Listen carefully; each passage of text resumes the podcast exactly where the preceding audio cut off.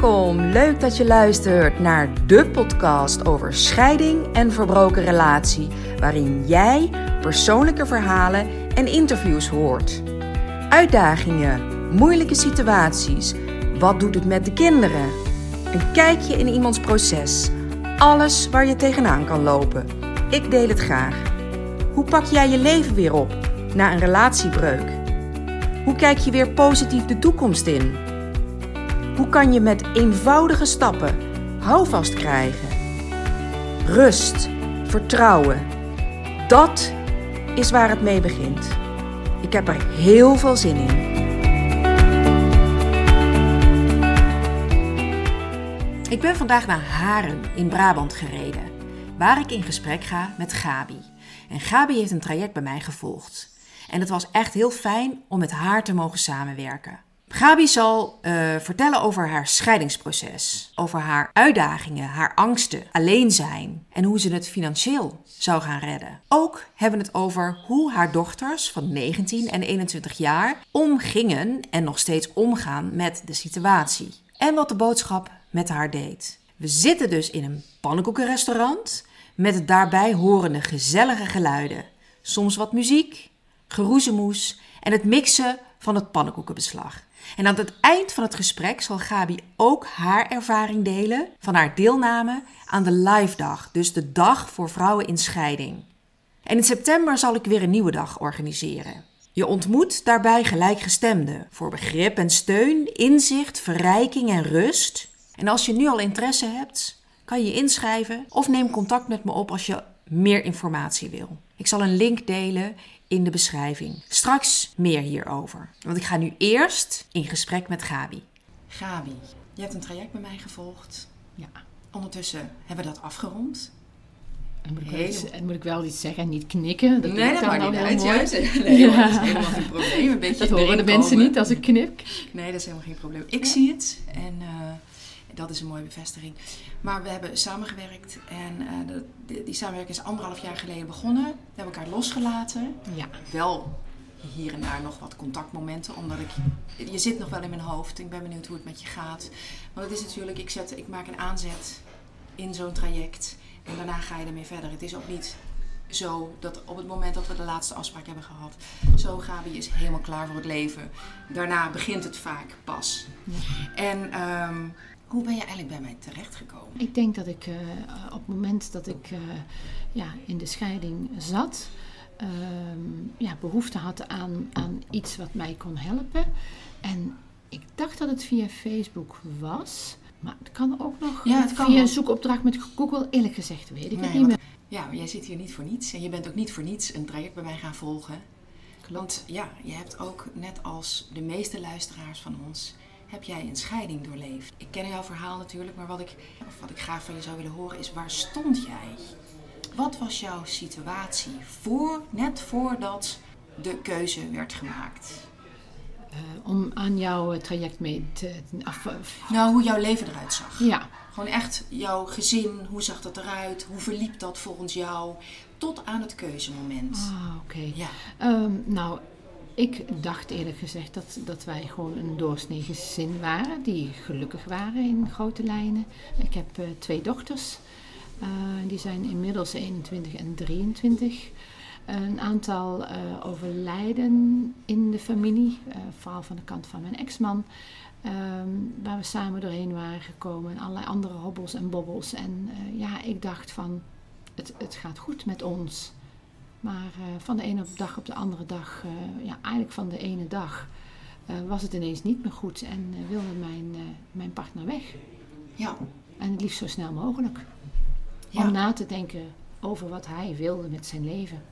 Kan jij dat moment nog nou, herinneren zeker, maar kan jij vertellen wat dat met je deed? Het moment dat je die boodschap kreeg. Want jij hebt de boodschap gekregen, hè? Ja, wat je klopt. Ja. ja. Hij heeft eh, de boodschap aan mij meegedeeld. Ik weet het nog precies, want uh, het was alsof er een pijnsteek in mijn hart kwam. Echt letterlijk voelde ik gewoon pijn in mijn hart. En als ik dan terugdenk, doet het weer pijn. -hmm. Gewoon, ja. Ja, want hij kwam terug van een uh, therapiesessie en ja, we moeten straks even praten. En toen voelde ik al aan dat, dat straks misschien beter gewoon meteen kon. Dus we hebben Ja. het meteen besproken. En eh, toen was het gewoon van, nou, eh, ik, eh, ik moet weg. Want eh, ik weet niet of ik zo verder wil. Ja. Ja. Dat, eh, dat was in de thuissituatie, denk ik. Jullie waren één op één. Er waren Ja, we waren gelukkig één op één thuis. Ja. Ja. En eh, ken, herken jij het gevoel dat buiten die pijnsteek in je hart, dat alsof de grond onder je vandaan geslagen werd? Of wat kan je nog herinneren, wat ging er in je om? Het eerste wat er door je heen ging. Ja, ik denk dat je dat precies goed omschrijft. eh, Dat de grond onder je voeten weg... eh, En dat, dat in één Ja. klap een waas, Ja, ja, lam geslagen. ja. Maar daarnaast ook wel meteen ook wel van, ja, als jij dat moet doen, dan moet je dat doen. Eigenlijk het wegstoppen meteen. Het, het, Ja. het, het- en misschien ook wel weer het meteen het willen helpen van die ander. Want ja, die heeft het moeilijk en zwaar. En eh, ja, ga maar, eh, ja, dan moeten we op zoek naar iets. En, en dan moeten we maar kijken hoe het verder, eh, hoe het dan gaat lopen. Met natuurlijk in haar achterhoofd wel de gedachte van als ik hem vrijlaat eh, om, om op zoek te gaan naar, eh, naar, weet ik veel waar hij naar op zoek was, dat weet ik niet. Maar dan, dan ja, in de hoop dat het dan weer terug zou komen en dat, dat, dat het weer goed zou gaan. Ja, Ja. en dat gebeurde niet. Nee, nee. Nee. Wat was je eerste, ik weet niet of je dat kan herinneren, jouw eerste grote angst? Mijn eerste grote angst was het alleen zijn. Ja. En eh, omdat mijn, eh, mijn ex en ik een bepaalde constructie hadden bedacht. eh, of zo is het gewoon gelopen. Ik heb altijd voor de kinderen gezorgd. En voor hem. Ik voelde af en, toe, af en toe alsof ik drie kinderen had. Dus ik had geen werk. Ik had wel wat baantjes gehad, maar meestal niet in de richting die ik heel graag wilde. Sowieso was ik zoekende naar, naar wat ik dan heel graag wilde. Ehm, en dan dus ook het stukje financieel van, oh, eh, wat als, ja, als, als hij inderdaad weggaat, hoe ga ik dat dan doen? Is die angst uitgekomen? De angst voor alleen zijn, in het begin zeker. In het begin zeker. Totdat bij mij toch het besef kwam, goh, het is veel beter. Ook voor mij dat we niet meer samen zijn. Moment dat ik ook gewoon realiseerde dat, er, dat ik gewoon... eh, hij had dingen gemist in onze relatie. En, maar die heb ik ook gemist. Maar ik zag dat niet. Ik voelde dat niet. En ik ben nou ook zover dat ik denk van... Het is voor mij gewoon veel beter. Het was niet goed waar ik in zat. Ehm, dus, dus de angst van alleen zijn, eh, die, die was er vooral in het begin. Die is nu minder, maar ik voel me af en toe wel alleen. Aan de andere kant ben ik ook nog niet toe aan, aan iets nieuws. En dat is best wel lastig, Mhm. want dan balanceer je een beetje op van... Goh, ik zou eigenlijk wel iemand willen hebben waarmee ik dingen kan doen en ik dingen kan delen. Maar aan de andere kant wil ik ook nog heel veel... eh, moet ik nog heel veel zelf ontdekken over Processen mezelf. Ja, In jezelf. ja, en ja. ja, want het, het is eh, nu eh, twee jaar geleden dat de beslissing genomen Mhm. heeft. En we zijn eh, ehm, ja, ruim, of, ja, bijna 30 jaar samen geweest. Ja. Ja, dan denk ik ook realistisch moet zijn dat dat niet in twee jaar eh, verwerkt is. Tenminste, niet bij mij. Hoeft- ik, ik, nee, niet. ja, ik, ik merk dat ik het niet, eh, niet in twee jaar verwerkt krijg. En dat het elke keer toch weer ehm, triggers zijn waardoor je weer eventjes terugvalt. Ja. En, eh, ja. En wat, wat ehm, als je dan aan die triggers denkt, hè? want iedereen heeft natuurlijk zijn proces. En je hebt het rouwproces, dat hebben we ook op de live dag waar je ook, eh, eh, waar je ook aan hebt deelgenomen. Heb je ook gezien, hè? je hebt dat rouwproces eh, Mhm. bij die scheiding. En daar, daar, daar kan je heel goed, destijds kon je heel goed aangeven van hé, hey, ik zit nu op dat punt. Klopt. Maar het is natuurlijk niet zo dat je ergens begint en dat je heel langzaam dat pad bewandelt. En dat je dan nooit terugschiet. Nee, je blijft echt op en Ja. neer gaan. En vooral die ondercurve van Ja. dat je denkt van oh, het gaat eigenlijk goed. En oh, ik heb dat allemaal al gedaan en dat Ja. bereikt. En dan eh 9 van de 10 keer is het toch echt de trigger dat, dat ik contact heb met mijn ex. Het is het contactmoment. Ja, Wat- vaak via, via de kinderen dat er iets eh, besproken moet worden. Of laatst hebben we onze dochter opgehaald. Die kwam terug uit Nieuw-Zeeland eh, na vier maanden weg geweest te zijn. En dat soort dingen, dat zijn gewoon eh, momenten dat ik ook, ook al neem me van tevoren voor van hé, hey, ik blijf bij mezelf, Ja. ik, ik snuit me een beetje af. Toch heb ik er gewoon eh, Ja. ja. last van.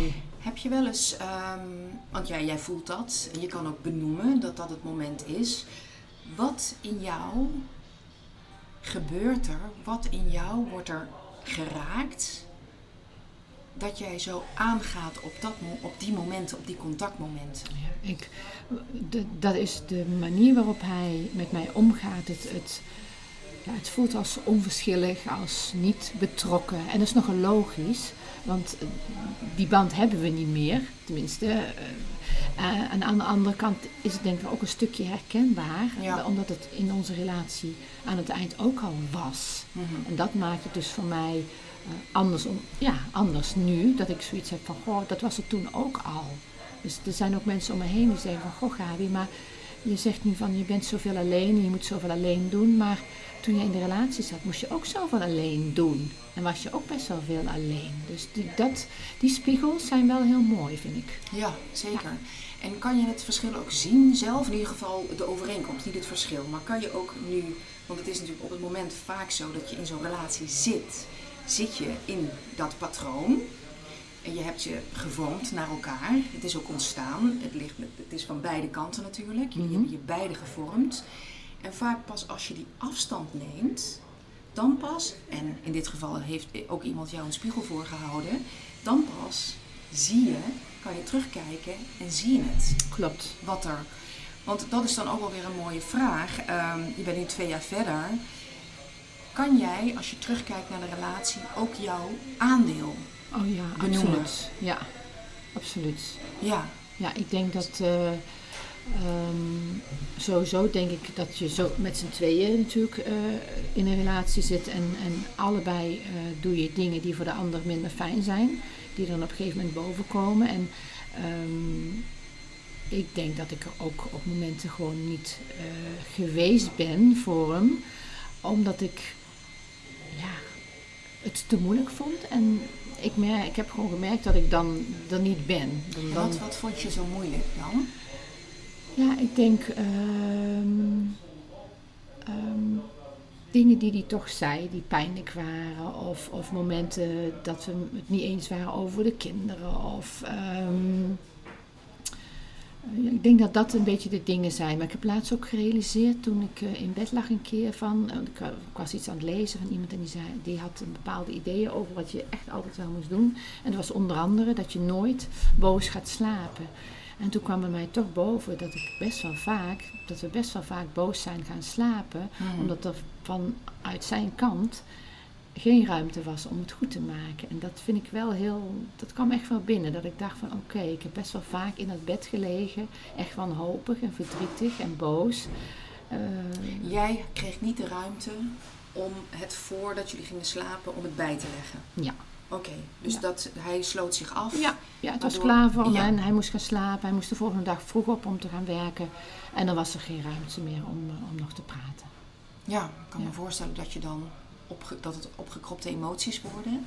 Die je gaat vastzetten met alle gevolgen natuurlijk. Ja, hè? Ja, van die... ja. En, en ook, uh, wat ik ook laatst bedacht is dat ik vaak...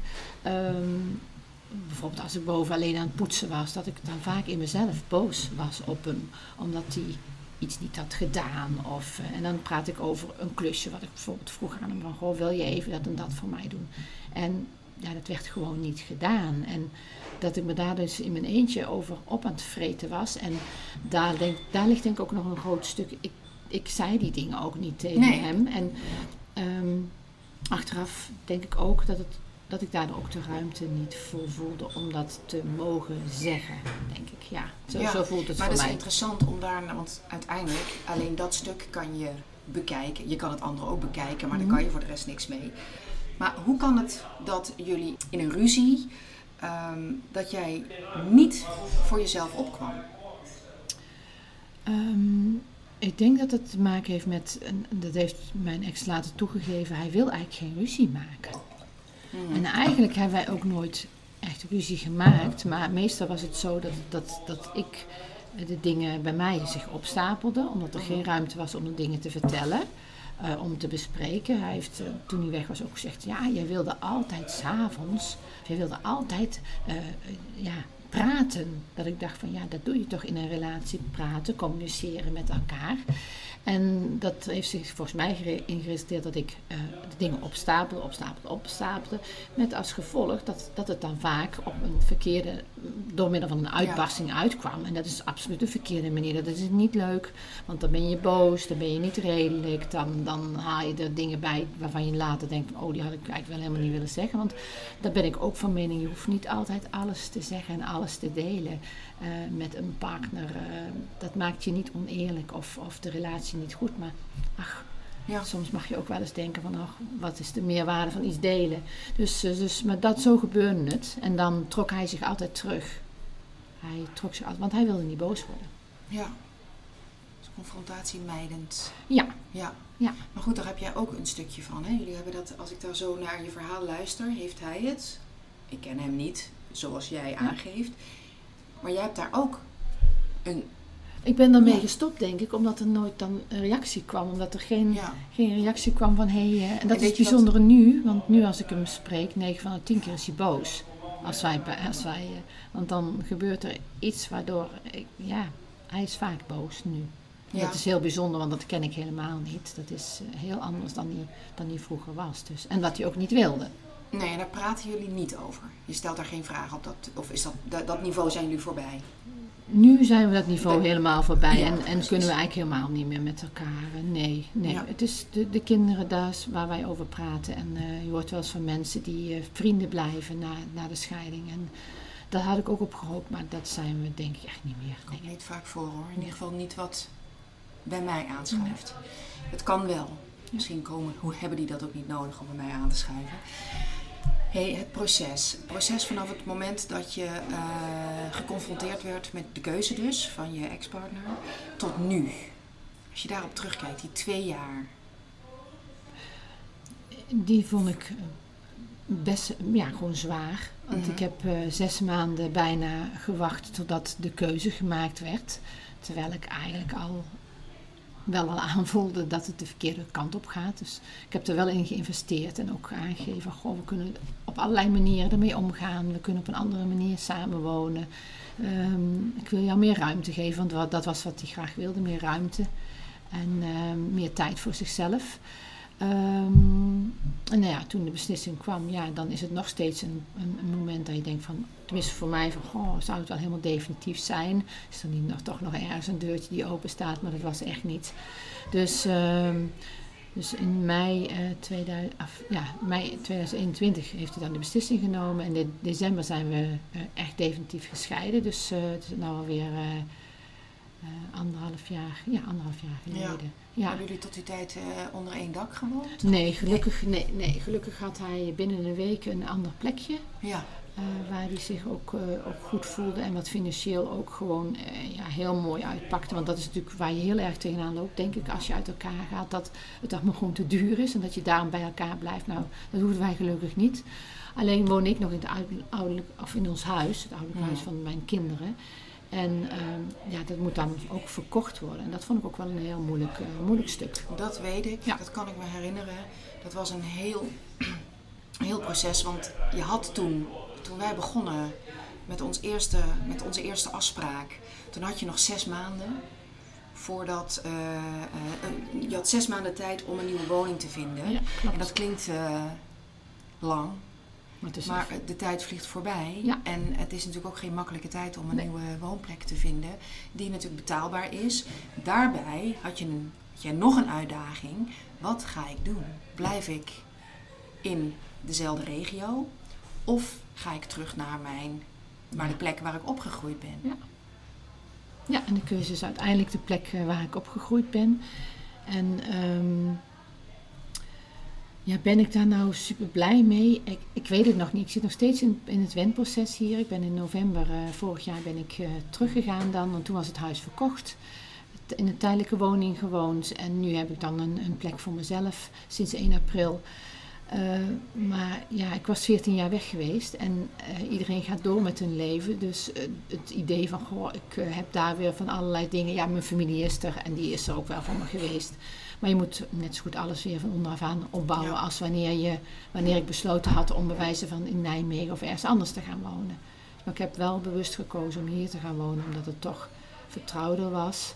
Ja. Maar eh, ja, En het kon natuurlijk ook makkelijker, even tussen aanhalingstekens, dat ziet niemand, omdat je kinderen al op, ja, wat ouder zijn. Klopt, Dan klopt. is de keuze anders dan als ze nog op de basisschool zitten. Dat, dat ben ik het mee eens. Alleen vond ik hem nog moeilijk, want mijn eh, jongste dochter, die is 21, die heeft, ze zitten allebei op kamers, maar die kwam elk weekend nog thuis. En die heeft echt haar basis, haar vriend, Ja. haar vriendinnen in Winterswijk. En ehm, de uitdaging van daar blijven wonen is ook langer gebleven, omdat ik eigenlijk voor haar daar iets wilde creëren. Ook totdat er weer iemand anders zei van ja, maar Gabi, jij bent, eh, eh, of zij is 21 of eh, bijna 21 en ja, jij mag ook door. Zij is jong volwassen en ze zit in Nijmegen af, ja, op kamers en dan zou jij hier in Winterswijk moeten blijven voor haar. Daar, zo moet je er niet naar kijken. Je moet kijken wat jij wil. Klopt, dat is ook zo. Alleen zo'n keuze maak je. je krijgt natuurlijk wat in, je krijgt input van mensen om je heen. ehm, waar je heel blij mee kan zijn. Soms ook helemaal niet. Heb je er helemaal niks aan. Maar een beslissing neem je pas op het moment dat je zelf daar klaar voor bent. En ook al is je dochter 21, of 26 of 13. En deze moest ik gewoon een beslissing nemen, Ja, omdat ik het uit huis moest. Ja. Ik moest weg, dus, eh, dus ja, toen heb ik voor, voor, voor hier gekozen. Ja. Ja, en hoe gaat het met je dochters in deze nieuwe situatie? Die vinden het nog steeds eh, heel moeilijk. Want eh, ze hebben natuurlijk, ehm, ze hebben gewoon geen thuis meer. Dat is wat, wat, wat ik heel sterk op mer- bemerk bij ze. En eh, zowel mijn ex als ik hebben een nieuw huis. En ja, dat is leuk, dat is mooi, maar dat is niet hun thuis. Het, is, en er zit toch wel een uitdaging in om, om mijn huis toch als een, een soort thuis te laten voelen voor ze. Maar dat is lastig, want ik woon in een hele kleine woning en ze hebben geen eigen kamer. En daar zijn, zitten wel wat uitdagingen in. Ja. Ja, dat snap ik. Ja. Ja, ik kan het me als vanuit het kind zijn, kan ik dat me ook heel erg goed voorstellen.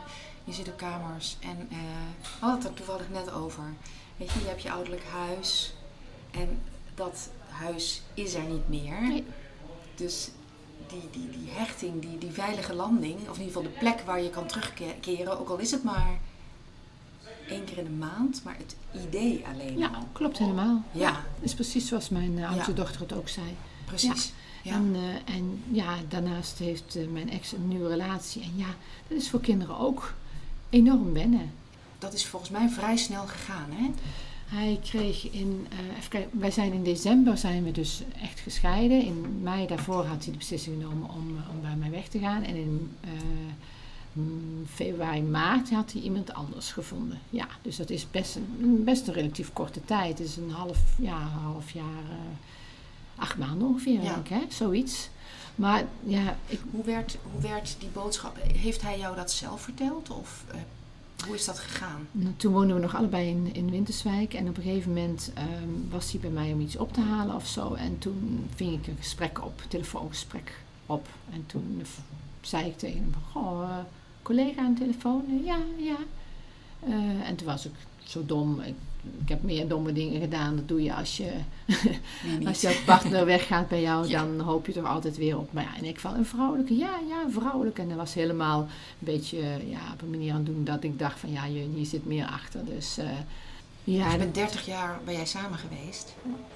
En plotseling heeft iemand, of plotseling, je bent uit elkaar en iemand heeft een nieuwe relatie. Dus neemt jouw plek in. ja dat, zo voelde het inderdaad letterlijk een plek innemen. Zeker Ja. toen hij eh, haar aan de kinderen voor wilde stellen. eh, na een paar maanden al. Toen hij haar mee naar zijn familie nam. Eh, ja, dat was best, vond ik best wel heftig. Naast dat ze een stuk jonger is. Ze is tien jaar jonger dan ik. Met jonge kinderen. Dat ik ook dacht van oké. en mijn kinderen dan? Dat is eigenlijk waar ik best snel aan dacht van... Ja, is er dan nog plek voor mijn kinderen? Voor onze kinderen natuurlijk wel. Mhm. Maar en ik heb natuurlijk ik heb ook ervaren in het begin toen hij weg was... dat eh, hij zo met zichzelf bezig was... dat er ook geen ruimte was voor onze kinderen. En eh, ja, dus daar ben ik toch een beetje bang voor. Want ik vind het belangrijk dat kinderen ook een vader hebben. En daar was jij heel erg bang voor. Ja. Is dat nog steeds zo?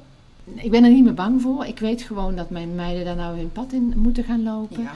En ehm, eh, zelf moeten gaan ervaren hoe dat is met, eh, met hun vader. Eh, maar ik zie ook dat, eh, ja, dat hij er niet voor ze is.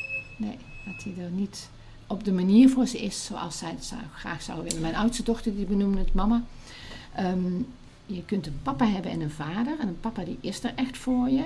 En je kunt ook een vader hebben. En ik heb een vader. En dat deed me wel heel erg pijn toen ik dat hoorde. Want ja, ik gun ze is... meer dan dat. En ik had ook gehoopt dat hij, ehm, ja, dat hij dat ook wilde doen.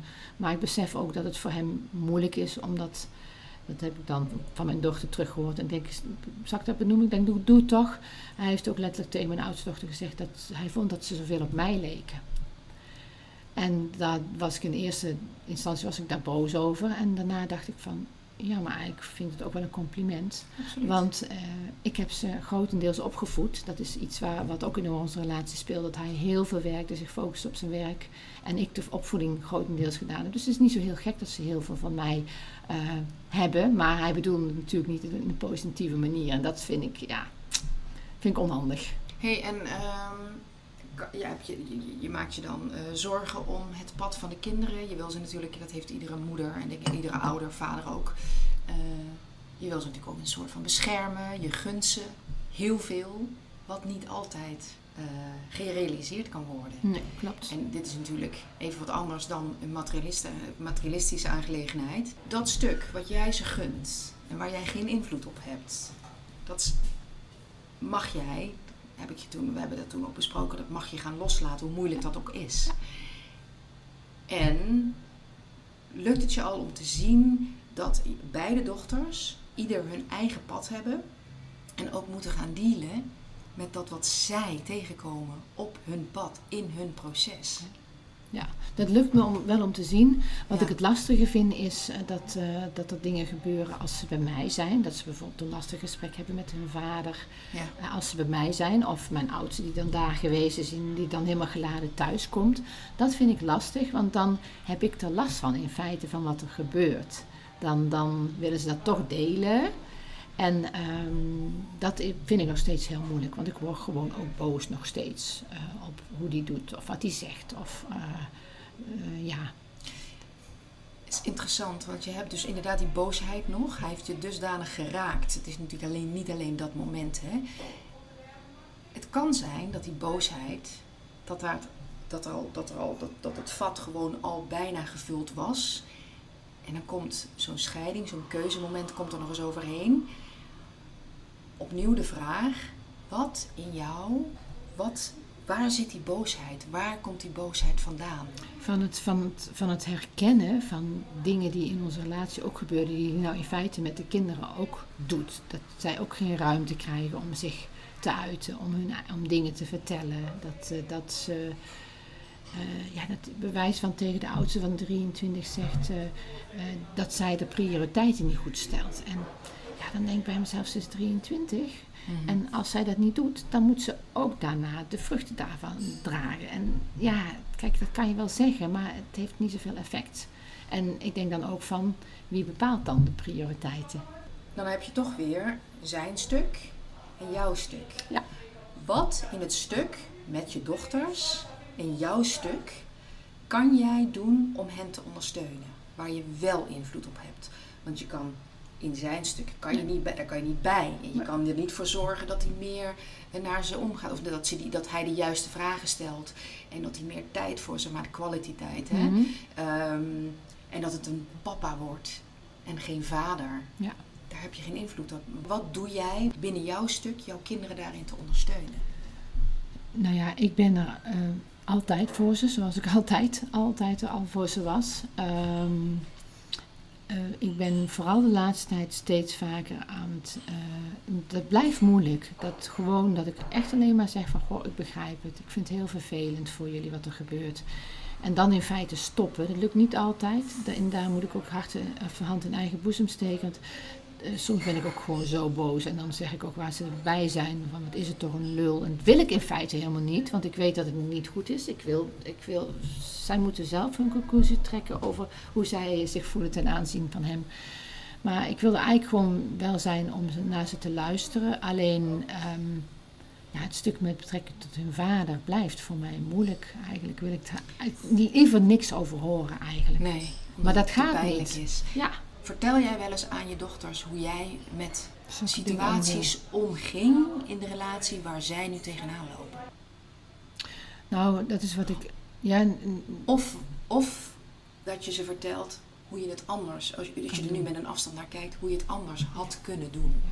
nou dat, dat is dan vooral met betrekking tot mijn oudste dochter. Die, ehm, ik zie bij haar hetzelfde gedrag als wat ik namelijk deed. Als mijn ex-man tegen haar dingen gaat vertellen, dan klapt ze dicht. En dan zegt ze maar niks, want ze wil de goede vrede bewaren en ze wil het gezellig houden. En ehm, daar ben ik nou echt wel vaker tegen aan het zeggen. Ja, meisje, je moet het echt tegen papa zeggen, want ik kan er niks aan doen. Ik kan het niet voor jou oplossen. Dat is wat ik aan het doen ben en dat is wat ik dus vroeger in feite ook had Klopt. kunnen doen. Je kan ook natuurlijk dat je aan je dochter vertelt dat jij exact hetzelfde gedrag vertoonde, of in ieder geval gedrag, dat jij ook dichtklapte, dat je geen reactie. En dat je uiteindelijk, nu je er met een afstand naar kan kijken, het heel anders had gewild. En dat je dat vertelt, maar dat, en dan kan je je kwetsbaar opstellen, want ik weet niet of me dat nu gaat lukken, maar ik zie wel hoe ik het anders had willen doen. Ja. Maar het is me niet gelukt. Dus zo, En misschien heb ik ooit wel eens een keer te loop zoiets eh, gezegd tegen ze, maar we hebben er nooit echt een gesprek over gehad. Maar dat is wel een hele mooie, vind ik, om Ja. dat gewoon toch een keer met ze te doen. Van, ja, het is heel mooi en om dat te voor- laten ja, zien. Want dat geeft ook een stuk begrip, hè? Precies. Ja, En je hoeft nooit. Dat is natuurlijk ook wij moeders eh, of ouders. eh, we willen zo graag met oplossingen komen. En we willen, het, we willen dat ze niet tegen dat soort zaken aanlopen. Maar het is ook voor hun ook wel weer een groeimoment. Ja, zeker leren ze heel veel van. Ze als, leren er heel veel ja. van. En juist ook doordat jij ze vertelt, ja, ik deed hetzelfde. En ik zie het nu bij jou. Toen zat ik in de relatie. Ik zag het helemaal niet. Ik voelde wel boosheid en frustratie, maar kon er eigenlijk, ik kon het, ik kon het eigenlijk niet plaatsen. Nu kijk ik er van een afstand naar, omdat ik nu twee jaar bij je vader weg ben. En ik zie hetzelfde bij jou. Ja. En je kan zeggen, ik kan het niet oplossen, maar ik had het wel anders. Snap je? Ja, het ik had het soort anders van- willen doen. Ik had Ja, het anders willen ja. doen. Had ik het maar geweten, had ik het destijds maar van een afstand naar kunnen kijken. Het is zo gevormd. Je bent 30 jaar bij elkaar. Ja. Een hartstikke mooie relatie. Je krijgt twee kinderen. En het sluipt er ook in. En jullie hebben de afspraak gemaakt met elkaar. Niet letterlijk, maar sommigen maken, dat, maken die afspraken letterlijk. Hij krijgt de ruimte om te werken. En ik neem de ruimte om de opvoeding van de kinderen, in jouw geval de twee meiden, Klopt. te doen. Ja. En dat is mooi, maar op het moment dat het dan misgaat, dan begin je toch, bij jullie in ieder geval, zie je dat dat een beetje scheef is gaan groeien. Klopt, Ja. klopt. Ja, dan, eh, en eigenlijk is de conclusie geweest dat hij eh, financieel voor mij zorgde. En ik, eh, ik gewoon op andere, alle andere vlakken ook voor hem. Ik kocht tot aan zijn onderbroek en zijn sokken toe, kocht ik alles. Dus Mhm.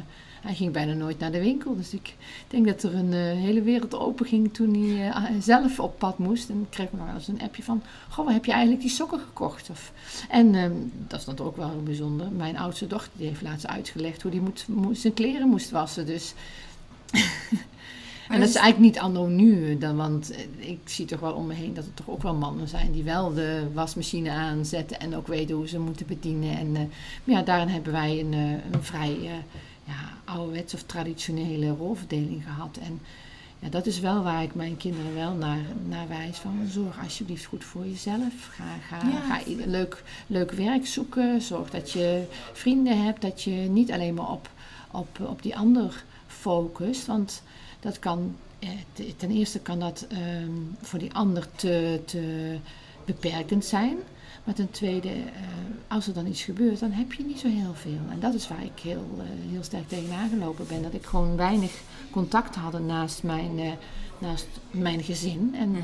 ja, dan kom je best wel alleen te staan. En daar komt dat sterke gevoel van alleen zijn. En ja, ook het gevoel van alles alleen moeten doen. Ik vond het ook heel moeilijk om hulp te vragen bijvoorbeeld.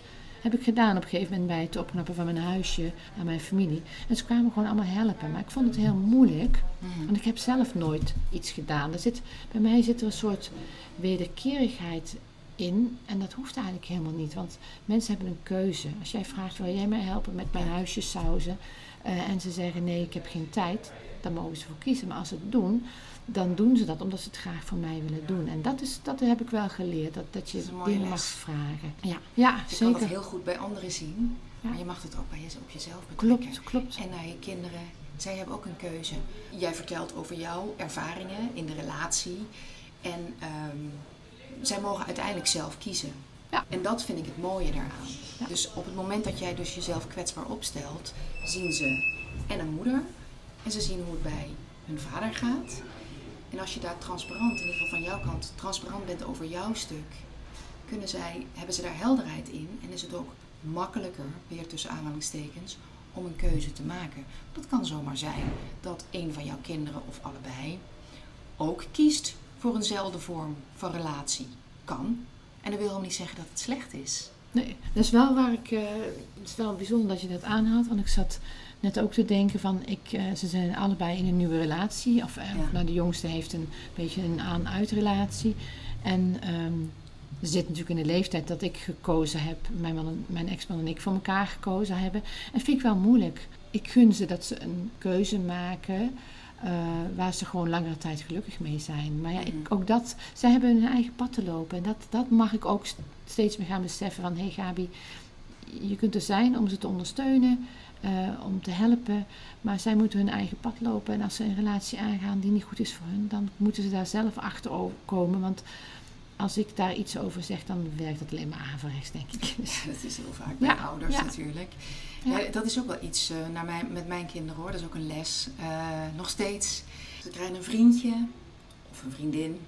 Maar even over mijn dochters, want jij hebt ook dochters. Ze krijgen een vriendje. En uh, in eerste instantie ben ik blij, vind ik dat leuk. En ineens, oh jee, als ze, als ze maar niet teleurgesteld wordt, als maar geen pijn gedaan wordt. En dat kan natuurlijk gebeuren. Ja. Het is niet zo dat ze met 18 of 20 een, een vriendje krijgen. En dat je dan, dat hoop je natuurlijk, dat ze ongeschonden die relatie 40 jaar later of 50 jaar later nog steeds met dezelfde zijn. Dat, dat is geen, het is allemaal geen garantie. En dan gaat het uit of ze zijn pijn gedaan, want de ander heeft de keuze gemaakt. Of ze hebben zelf de keuze gemaakt, waardoor de het vriendje verdrietig is. En wat raakt mij. Het raakt me zo. Ja. En inderdaad, ik heb dan gelukkig ook mensen om me heen die zeggen: gun ze. Het zijn leermomenten voor dit ze. Leermoment. En, ja, en ook het pijn doen van een ander is ook een leermoment. Want dat doet, dat doet jezelf ook pijn. Want je wil die ander geen pijn doen. Dus het, het is gewoon zo. Ja, het is gewoon een, een levenslessen zijn dat ook, denk ik, eh, relaties aangaan. Ja. Je leert verbreken, zeg maar. Of je leert uh, incasseren. En weer opnieuw. Ja, en je gaat weer door. En je, en je gaat weer op zoek naar jouw nieuwe weg. En, en, en, misschien liever als ze jong zijn. Ja, ja uh, als, ik, ik als ik mag kiezen. Um, ik heb me achteraf ook gerealiseerd dat er bij ons in het begin van de relatie ook al wat dingen waren die anders konden. Dus wat, wat was er bij jou, bij jou in het begin van de relatie, wat je toen waarschijnlijk niet zag, maar nu ben je, heb je die afstand en je kijkt terug. Wat speelde er toen al waarvan je nu zegt, hé, hey, dat zijn tekenen? Ik heb me aan hem vastgeklampt. Ja. Ik had daarvoor een aantal relaties die overgingen. En ik denk veelal uitgemaakt door de, door de ander.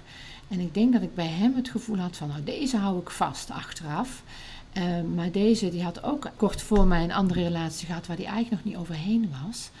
En um, hij heeft ook aangegeven dat hij eigenlijk nog niet echt een relatie wilde. Dus ik heb ook met hem, daar heb ik het dan wel met hem over gehad in de tijd dat hij in dat huisje zat uh, en dus uit huis was. Van hoe kan het dan in hemelsnaam dat als dit speelde. Want ik had, was natuurlijk mijn huis aan het opruimen, had ik een brief gevonden waar het gewoon zwart op wit op stond. Van goh, uh, jij bent zo attent en zo lief en je stuurt kaartjes en ik doe dat niet. En ik doe dat eigenlijk altijd wel. En ja, dat komt er ook omdat ik eh, minder voel voor jou dan jij voor mij. Dat heeft hij gewoon letterlijk geschreven. Dus ik zei tegen hem, hoe kan het dan? Dat we hier dan eigenlijk beland zijn als onze basis al. Ja, ik, ik geloof best wel dat mensen naar elkaar toe kunnen groeien, dat ze iets voor elkaar kunnen gaan voelen. Maar als dan ook nog gezegd ben, ik ben nooit heel erg verliefd op jou geweest, dan denk ik van ja, maar waarom zijn we dan hier, hier uitgekomen? Wat, wat, wat is daar dan gebeurd?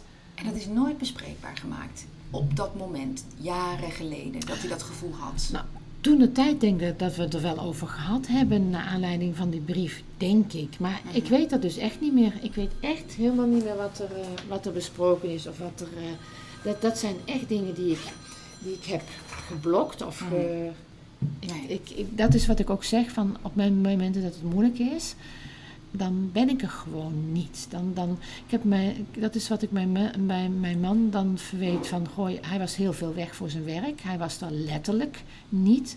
Maar ik ben er gewoon ook niet altijd geweest door, doordat ik me ook op een of andere manier afsnoot of terugtrok. Of, Kan een beschermingsmechanisme ja, zijn, dat, zo zie ik dat ook. Ja, Ja. Om, om de pijnlijke dingen maar niet te, te willen zien. Want de signalen waren er eigenlijk al een aantal jaren dat, dat het niet goed liep. De kinderen die hebben zelfs gezegd van ja, eh, wij zagen dat wel. eh, en die waren ook bang dat we zouden gaan scheiden. Als jij kijkt naar Gabi nu, Gabi in de relatie en Gabi als kind, herken jij patronen die vanuit je jeugd voortvloeien of terugkeren? Ja, het, het, het, het, ehm, Zoals dat conflictmijdende, hè? Ja, ook, maar ook het, het eh, ja, dat, dat is heel sterk, maar ook het sterk naar de ander kijken in plaats van naar mezelf, van wat wil ik. Eh, ik kon heel goed aanvoelen wat, wat, wat de ander nodig had, maar ik weet helemaal niet wat ik zelf nodig had, heb. Daar ben ik nog steeds naar op zoek. Ja? Eh, ja, daar ben ik nog steeds naar op zoek. Dus, dus dat herken ik wel. En, en het, het ook niet uiten, van emoties, want ik kwam ook uit een gezin waar, dat, waar dat, daar geen ruimte voor was. Ik weet nog dat wij eh, een huis hadden waar een halletje was en er zat de keukendeur en de, s- en de kamerdeur aan. Dat ik bij wijze van bij de kamerdeur er boos inliep. En drie stappen later via de keukendeur er weer lachend uitkwam. Dat ik me ja, in die drie stappen herpakt had. Hoe deed je Eh, dat? Ik heb hoe oud was je toen? ja, dat is in mijn eh, schooltijd geweest, denk ik. In mijn lagere schooltijd. Wat Geen idee. gebeurde? Ik denk, ik zette mezelf uit, denk ik gewoon. Van, hey, ja, snikken. Niet belangrijk. Klaar. Ja, dat denk ik. En ik denk dat dat in, in, de, in de relatie ook is gebeurd. Dat ik daar ook mezelf, ja, of de ander voor mezelf heb gesteld. Niet alleen mijn, eh, mijn ex-man, maar ook de kinderen. Alles was belangrijker dan, dan ik zelf. En dan raak je jezelf gewoon helemaal kwijt. En dat is waar ik nou nog in zit in het proces van wie ben ik nou, wat wil ik nou, wat, Als jij vertelt eh, alles in het teken van een ander, kan je dat ook terug, eh, kan je dat terugvertalen naar je ouders? Mijn moeder is ook zo. Ja, dat kan me herinneren. Dat ja je dat, mijn, eh, klopt. Mijn ja. moeder is ook zo. Alleen, ja, want toch. ergens heeft die Gabi, Ja. meisje Gabi, heeft al dat patroon ontwikkeld. Klopt. En daarom heb ik ook een. Mijn vader werkte ook altijd vroeger. Nou ja, heel bijzonder dat ik dan een man kies die ook gewoon zo gericht is op zijn werk en daar Ja. zijn eigen waarde uit haalt. En, en de balans, tenminste, vond ik altijd tussen werk en privé. eh, niet zo goed eh, kon houden. Mhm. Ehm, ja, dat had mijn vader ne- net zo. Dus eh, mijn moeder was ook vaak alleen, terwijl mijn vader boven zat. Dus, dus in dat opzicht zijn heel veel dingen herkenbaar. En eh, ook dat zorgende wel. Alleen zie ik bij mijn moeder meer het zorgende vanuit een plicht. En bij mezelf meer een zorgende vanuit, ja, vanuit liefde. Zo, zo, ja. Vind ik mooi gezegd. Je beseft dat het nu beter is voor jou eh, dat jullie uit elkaar zijn. Ja, klopt. Ehm, Waarin voel je dat of zie je dat terug?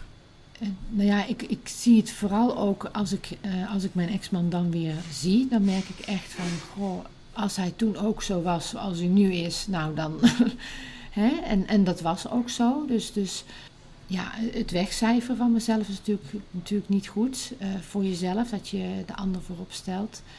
Ik loop er heel sterk tegenaan dat ik, wat ik net al zei, niet weet wie ik ben, maar ook niet wat ik wil. Eh, ik vind het heel moeilijk om keuzes te maken, om eh, een bank te kopen, gordijnen te kopen. Daar loop ik daar heel sterk tegenaan aan. Dat zijn hele kleine dingen misschien voor mensen, maar ik vind het, ik vind het heel moeilijk. Waar ben je bang, Bang, voor? bang om de foute keuze te maken. Ja. En zeker met het aanschaffen van dingen, dat kost je geld. En, en daar komt dan toch het stukje waar ik niet op ingegaan was. Want jij, we hadden het over dat het, waar ik bang voor was voor de financiën en het alleen zijn. Het financiën, het financiële stukje hebben we niet gehad. Maar doordat wij de, de constructie gekozen hebben zoals we het gedaan hebben, ehm, zit ik uh, nu er minder, sta ik er minder goed voor. Uh, dan hij. Hij heeft gewoon uh, een pensioen en alles op kunnen bouwen. Natuurlijk heb ik daar een stuk van, daar krijg ik de helft van. Maar hij is ook ZZP'er geweest. Dus uh, dat is dan ook anders.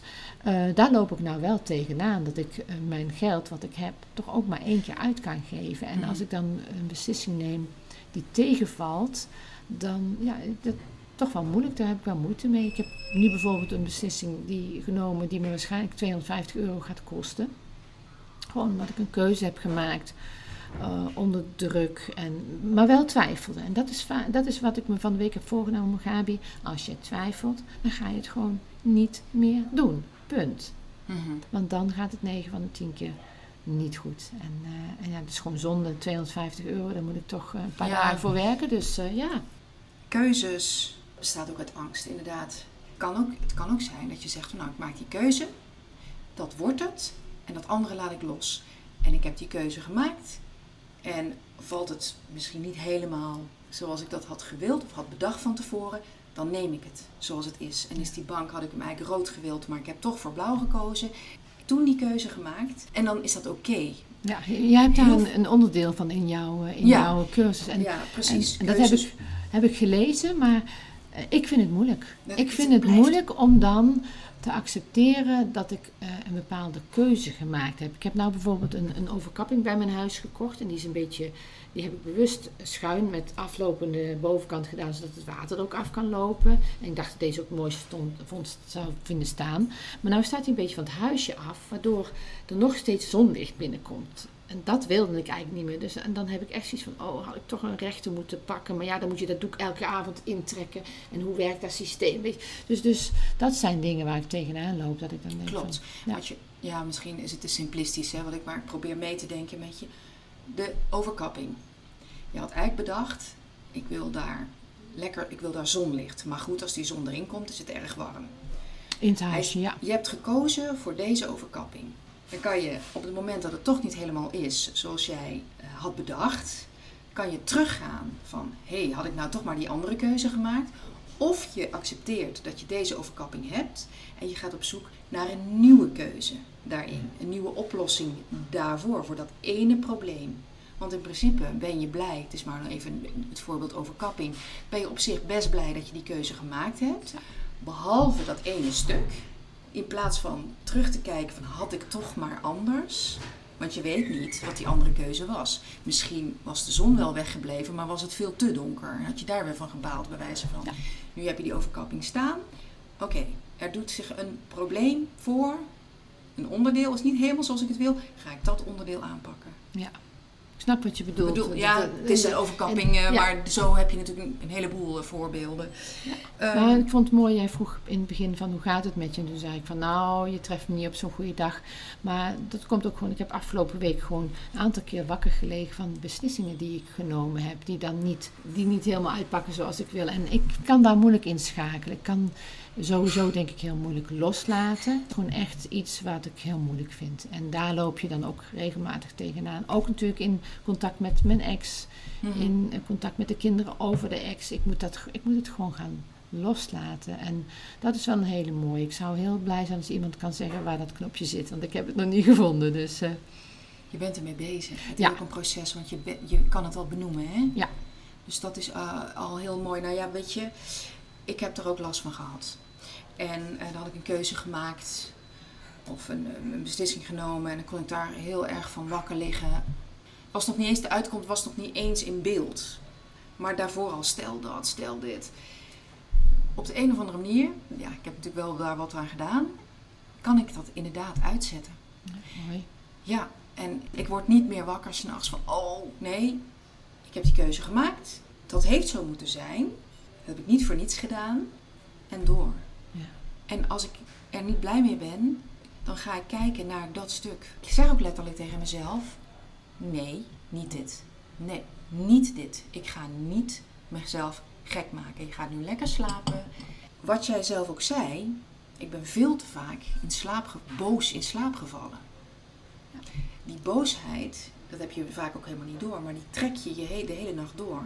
Dat is net zo als met piekeren en negativiteit en de focus op wat niet goed ging. Hè? Even lekker herhalen net voordat Mhm. je gaat slapen. Dat trek je de hele nacht door. Ja. Het is heel lastig om het te doorbreken, dat weet ik. Want ik heb hetzelfde ook meegemaakt. Als je het wilt doorbreken, dan moet je het forceren. Dit was mooi vandaag en dat was mooi vandaag. En toch blijf je je negatief voelen. En zeker in het begin, nee Gabi, dit was mooi vandaag. Oké, die nacht is niet gelukt. Volgende nacht nog een keer. Want heel vaak ehm, heb je een slechte dag, denk je. Aan het eind van de dag denk je, nou, dit was me toch een rotdag. Omdat de focus voornamelijk op dat negatieve ligt. En dan zie je helemaal niet dat wij hier een heerlijk kopje koffie samen hebben Met een lekker gedronken. stukje cake. Met een lekker stukje cake en dat we een mooi gesprek hebben. Noem maar even dit voorbeeld. Ja. Er kunnen ook nog, want dit is best wel een lang moment, maar het kunnen ook hele kleine dingen zijn. Die je gewoon niet meer ziet. Nee, Want je klopt. ziet niet meer op het moment dat je zo bovenop dat negatieve en dat je het ook binnenlaat, dat je door in je elke vezel voelt, dan zie je het niet meer. Nee, En dat is ook wat ik merk. En eh, Ja. dat, dat gaat bij mij ook echt op en neer. Dat ik soms denk van, oh, het gaat eigenlijk wel lekker. Eh, en dat ik ook in de spiegel kan kijken van, nou, wat doe je toch goed? En eh, oh, je ziet er wel leuk uit. En andere momenten dan denk ik echt van, nou Gabi, poeh, eh, hè? en heb je dat, heb je dat niet, niet goed gedaan? En, dus dit, en ik denk dat ik gewoon mag accepteren nu dat dat ook even bij de fase hoort waar ik eh, bij zit. Dat op en neer gaan van die emoties. Maar ehm, ik wil het niet meer natuurlijk, die, die minder wat- mooie. Weet je wat ik zo mooi vind? Daar heb ik een paar jaar geleden heel veel aan gehad. Eh, iemand zei tegen mij, je hoeft niet de persoon te zijn die je vijf minuten geleden was. Dat kan ook niet in feite. Nee, je Ja. kan dus op het moment dat je een baaldag of een baalmoment of je, kan je dus zeggen, oké, ik voel me niet zo, maar dadelijk, dadelijk zorg ik ervoor dat ik, dat ik me weer ergens anders op richt of focus, Ja. waardoor ik niet meer die persoon ben die ik vijf minuten geleden was. Dat is mooi. Ja, ik vind het Ja, mooi. ja, dat is heel mooi. Ik kijk vaak naar andere mensen. Ik ben vanmorgen op een school wezen kijken of ik daar eventueel ga werken. En dan zie ik andere leerkrachten bezig. En dan denk ik van, oh, als ik dat toch ook eens zo gauw zou kunnen. En dat is natuurlijk ook niet goed voor mezelf en voor mijn eigen waarde. Maar aan de andere kant zag ik ook een klas dat ik dacht van, oh jee, zo zou ik het niet willen. En zo zou ik het ook niet kunnen. Dus het, dus het, het liet eh, heel veel verschillende facetten zien van, van hoe het blijkbaar kan. En dat ieder een eigen manier heeft. En dat mijn manier niet, eh, niet per se niet de goede is, zolang ik me er goed bij voel. Nee, nou, ik vind het heel mooi dat je zegt, je, je bent dus, jij, in jouw geval op school, je ziet een leerkracht, daar zou ik het niet, niet willen zoals die het doet. Die, ja, dat vind ik wel heel mooi. Je bent dus vooral ook veel extern nog bezig. Ja, absoluut. Veel te veel. Want ik, eh, wat maakt het uit Nee. hoe goed die andere doet of hoe slecht jouw andere collega doet? Hoe doet Gabi het? ja, en dat is waar het om gaat. En- Gabi vindt dat het niet altijd, ik vind dat het niet altijd lekker gaat op school. Ik merk dat er dingen spelen waardoor ik niet de juf ben die ik zou willen zijn. En waar de kinderen recht op hebben. En dat is wat er speelt bij mij nu hoe heel sterk. zijn?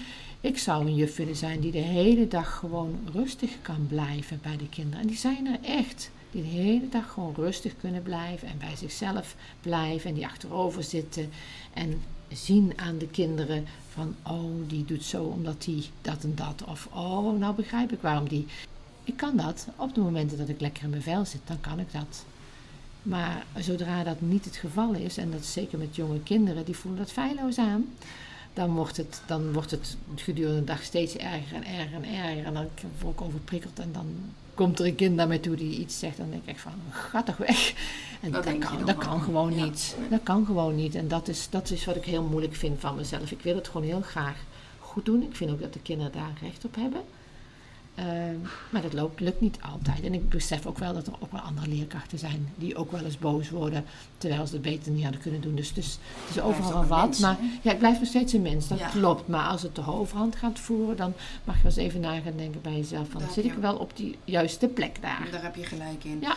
Mocht het niet de overhand eh, gaan voeren, je zit in zo'n klas, je bent eh, aan het lesgeven. Wie heeft er het meeste last van dat gevoel? Jij of de kinderen? Ik. En indirect de kinderen ook. Want ik merk, ja, ik merk heel goed dat als ik lekker in mijn vel zit en er ben, dan komen ze naar je toe. Dan willen ze op je schoot. Dan komen ze knuffelen. Dan komen ze van alles vertellen en alles vragen. En zodra ik daar anders sta, dan merk je dat de kinderen ook afstand houden. Mhm. Ja, en dat vind ik jammer, want ik vind juist dat contact met de kinderen zo mooi.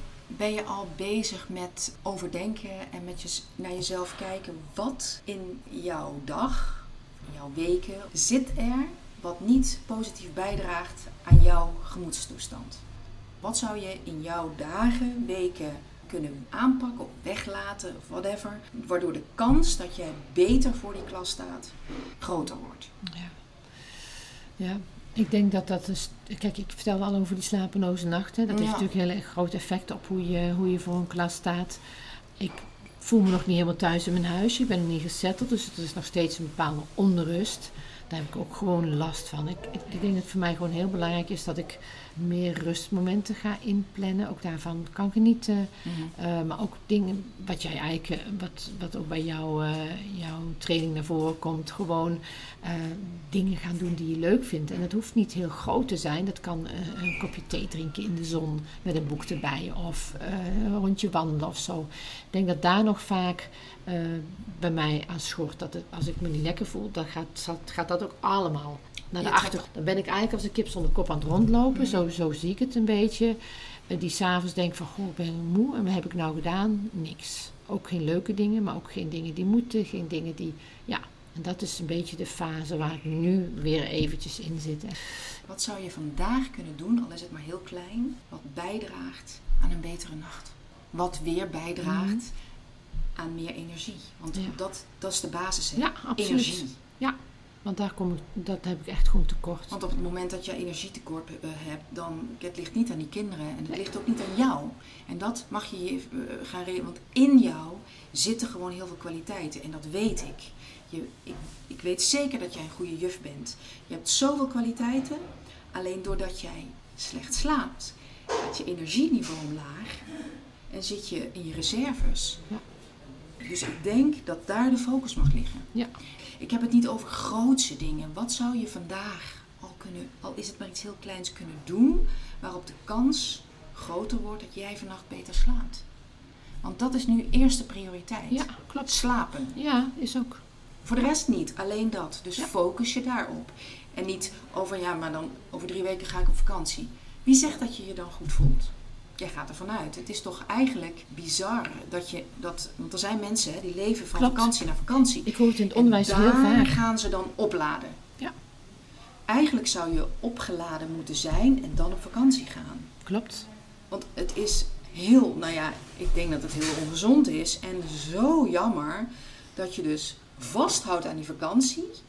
Dan word je, ehm, je krijgt dan ook een enorm verwachting, eh, een Ja. enorme verwachting. Want Ja. dan gaat het gebeuren. En als het dan niet gebeurt, dan is die teleurstelling is dan Heel groot. Ja, heel groot. Dat klopt. Ja. Dus het gaat niet om die vakantie. Nee. Het gaat erom dat je nu ervoor gaat zorgen dat je opgeladen bent. Morgen iets meer, dan is het maar een minuut meer energie.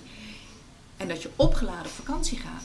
En geen escapes zoeken en vinden, nu vooral voor jezelf. Van, nou, als ik die vakantie maar heb en dan daar eens naartoe werk. Wie zegt dat dat is? Dat is net zoals die berg hè, die je opgaat.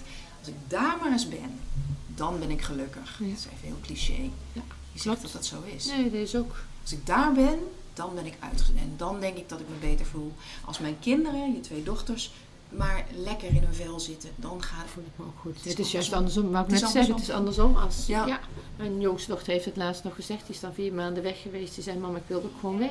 Ik wil ook gewoon weg uit de situatie. Ja. Ze vond het heel moeilijk om mij zo verdrietig te zien. En eh, ja, en ik denk dat zij ook de, het meeste mee- meegemaakt heeft van eh, ja, het heftigste van de scheiding. Ja, En dat vind ik heel erg als moeder wel.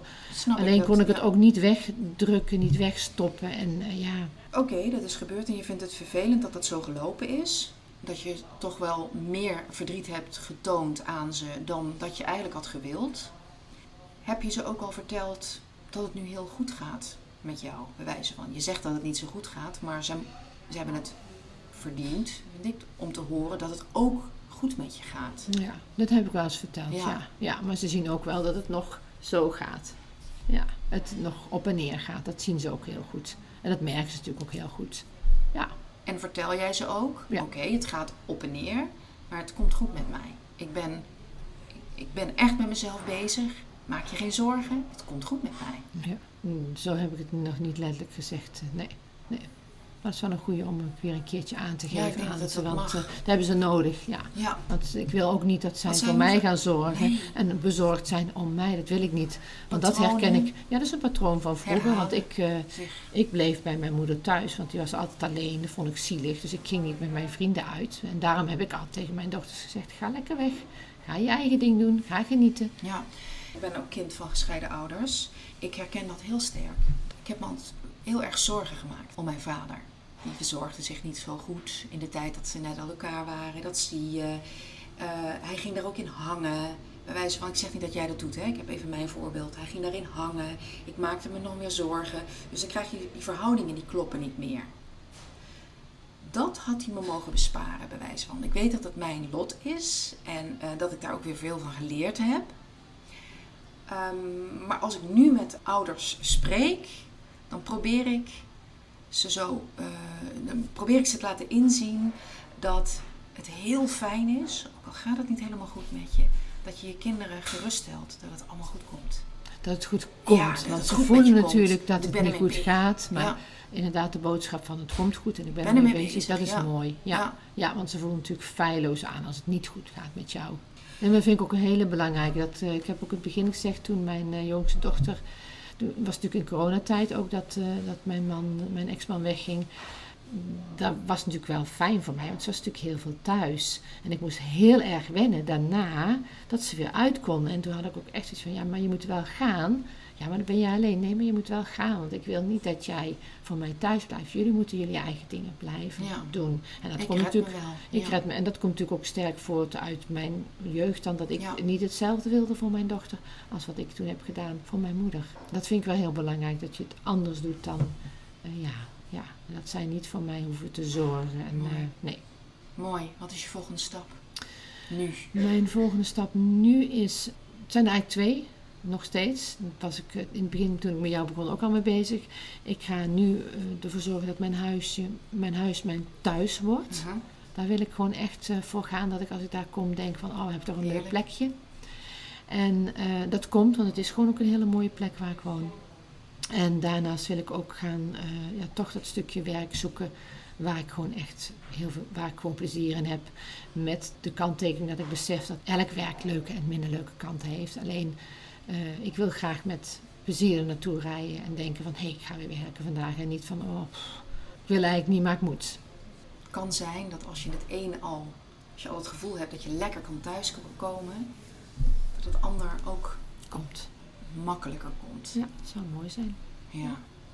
Hey, ehm, ik ga in september ga ik weer eh, een eh, nieuwe live dag organiseren. Jij bent deelnemer geweest. Hoe heb je dat toen ervaren? Ik vond het een hele fijne dag. Want eigenlijk ken ik niet heel veel mensen in mijn omgeving die gescheiden zijn. Dus het is heel mooi om van elkaar terug te horen ja, hoe vrouwen met hun scheiding omgaan. En ook wel beseffen van, oh, eh, goh, het kan nog erger wat er gebeurd is. Hè. Ik bedoel, je denkt altijd zelf dat je het... Hè, maar ja, nou, ik heb dan het geluk dat mijn ex geen nieuwe relatie had terwijl we samen waren. Als je dat dan hoort, dan denk ik van, wow, lijkt me wel heel heftig. Want zeker gezien de gevoelens die ik dan nu heb... eh, dat stukje jaloezie toch wel van, oh, dan gaat hij met haar dat doen. En eh, dat wilde hij met mij nooit. Ik kan me voorstellen dat als, als het in de relatie gebeurt, dat het dan nog moeilijker is om dat een plekje te geven. Dus dat was gewoon heel mooi. Maar het was gewoon een, een, eh, heel informatief, informatief ook. Leuk samen zijn, een mooie omgeving. Ja, gewoon ook heel leuk begeleid door jou. En lekker eten erbij. Ja, dus het was, gewoon, was gewoon een hele mooie dag. Ja. Ja, ik vind dat ook. Het is Ja. alleen, ehm, bereid dat voor en ik voel me dan goed. Ik had dan, na die dag had ik ook echt, ik ga ook echt met een enorm voldaan gevoel naar huis. Ja. Ik heb heel vaak mooie groepen. Dat was ook een hele mooie groep. Altijd zo mooi om te zien dat je mensen, bij, vrouwen bij elkaar haalt die elkaar niet kennen.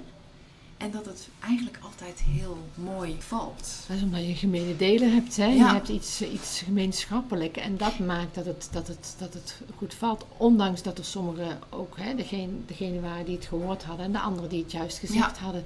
Dat, en dat vond ik ook wel heel mooi. Want dan hoor je ook die andere kant van hoe moeilijk dat ook kan zijn. Als jij degene bent die de boodschap brengt Ja. van... Hé, hey, ik wil niet meer met jou verder. Want dat heeft wel een stukje begrip bij mij gegeven. Van, goh, Daar had ik wel, wel een beetje, maar, maar nog meer begrip van. Het was voor hem ook niet makkelijk om deze keuze te maken. En hij heeft het natuurlijk altijd al gezegd van ja, ik heb het zo lang volgehouden, want ik wilde niemand verdriet doen. En toen dacht ik altijd van ja, dat zal wel, maar uh, je hebt ons gewoon verdriet gedaan. En dat is gewoon inherent aan, aan de keuze die je gemaakt hebt.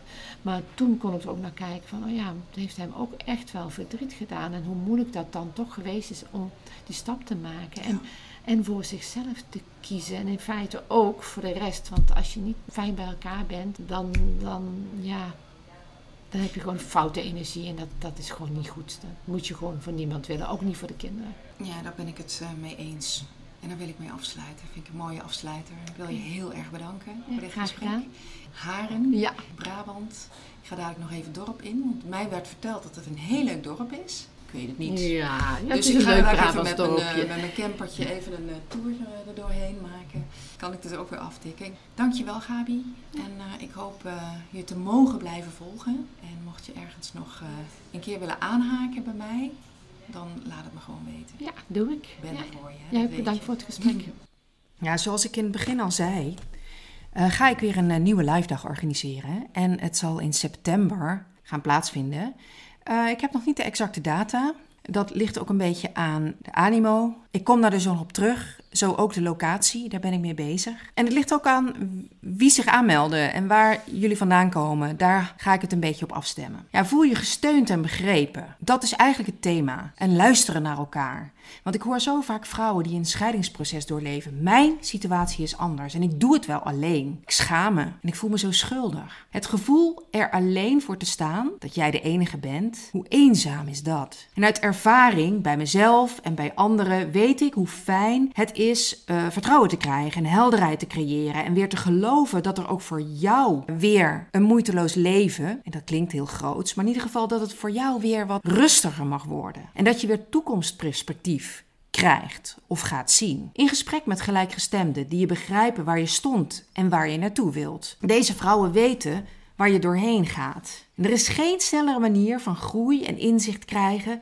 dan door dat van een ander te horen. Vrouwen die hetzelfde pad bewandelen of bewandeld hebben. Deze zijn misschien net iets verder in het proces of moeten juist nog tegen fases aanlopen waar jij al doorheen bent. Dus gooi je schaamte en belemmeringen overboord en meld je meteen aan. Wil je eerst meer informatie? Dat kan. Neem even contact met me op. Dat kan je via Instagram. Stuur mij een persoonlijk bericht. Of ik ga kijken of het me lukt om de link in de beschrijving bij deze podcast eh, te krijgen. Maar ik denk dat eh, er voldoende platforms zijn waar je mij kan vinden. Ik wens je een hele fijne dag. Heel fijn dat je luisterde naar deze nieuwe aflevering. Ben je geïnspireerd geraakt en vind jij het ook zo belangrijk dat anderen zich gesteund voelen door deze verhalen, zich erin herkennen? Ja, want je bent niet de enige. Laat dan een review achter in bijvoorbeeld iTunes. Of deel het door middel van een screenshot op Instagram of Facebook. Daarmee help je mij, maar vooral anderen. Dank je wel voor het luisteren.